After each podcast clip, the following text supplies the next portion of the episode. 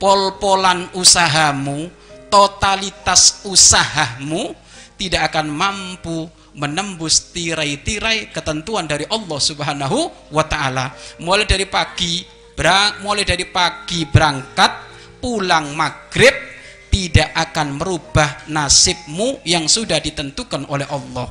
Kalau nasibnya jadi fakir miskin, walaupun ibadah kayak apa pun, kaki jadi kepala, kepala jadi kaki, kayak apa wallahu alam kebayangnya itu, ya kan? Maksudnya ya totalitas sudah.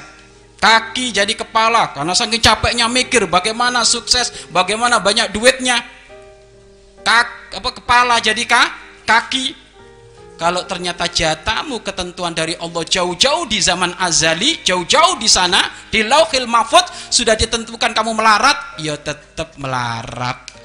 Ya tetap melarat. Jadi usaha tetap dianjurkan. Tapi jangan lupa semuanya sudah ditentukan oleh Allah Subhanahu wa taala